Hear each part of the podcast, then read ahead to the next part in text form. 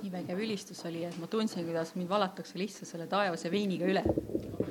mõtlesin, ma kukun, aga ei tohi. ja tahangi rääkida sellest, et ähm, mida Jumal on mulle aastaid tagasi ilmutanud.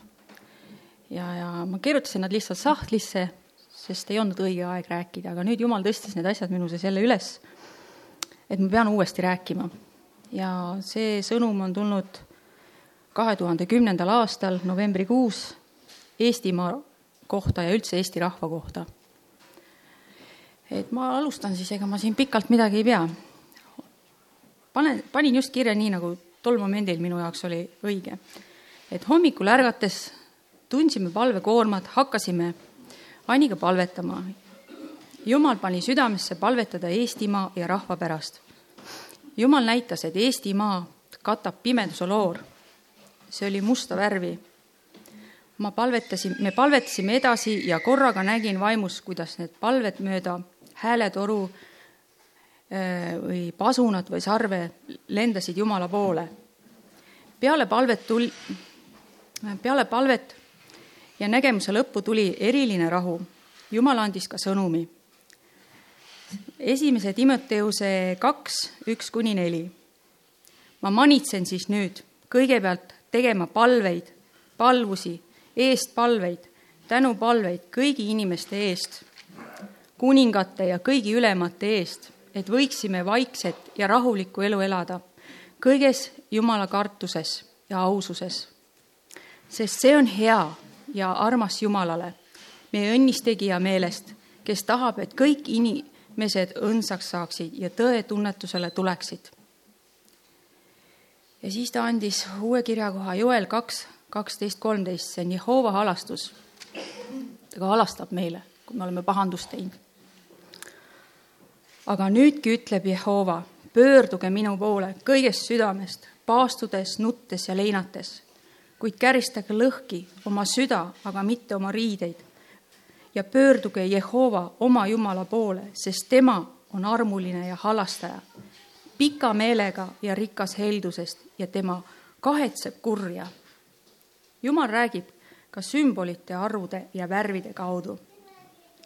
see on nagu salajane keel, mida maailmas ei saada aru, aga omadele ta avaldab need saladused. must loor tähendab pattu ja surma. Eestimaa on hukkumas patu pärast. pasun, valihoiatus Jumala käest ja lähenemisest. Joosua kuus viis.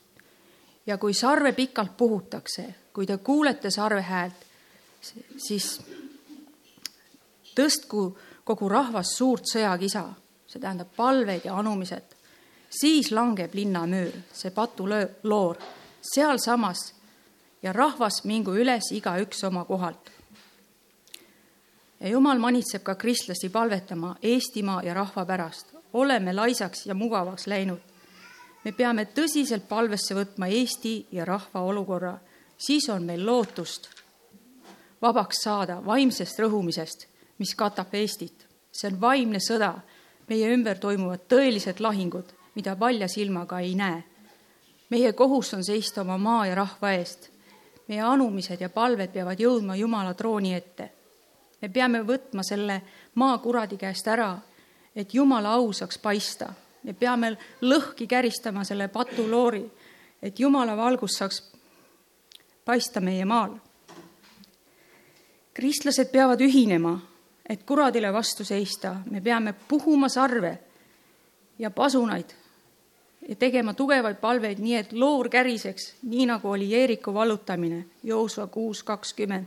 siis rahvas hakkas karjuma ja puhuti sarve ja sündis, kui rahvas kuulis sarve häält ja rahvas hakkas karjuma suure sõjakisaga, et müür värises oma jala pealt ja rahvas läks üles linna, igaüks otse omalt kohalt ja nad vallutasid linna. ja me peame vaimus murdma selle, me ei tohi alla anda, ei tohi väsida.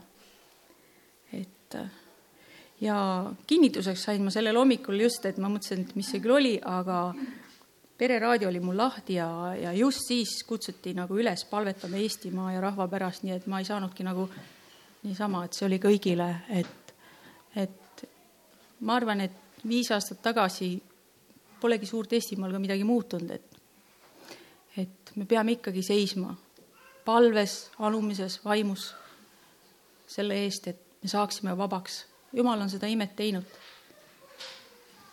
et mis ma siin rohkem ikkagi, et see on tema sõna ka tänaseks päevaks, et see ei ole muutunud. et Jumal on armuline meie vastu, ta hoiatab meid ette. kiitus Jumalale, aitäh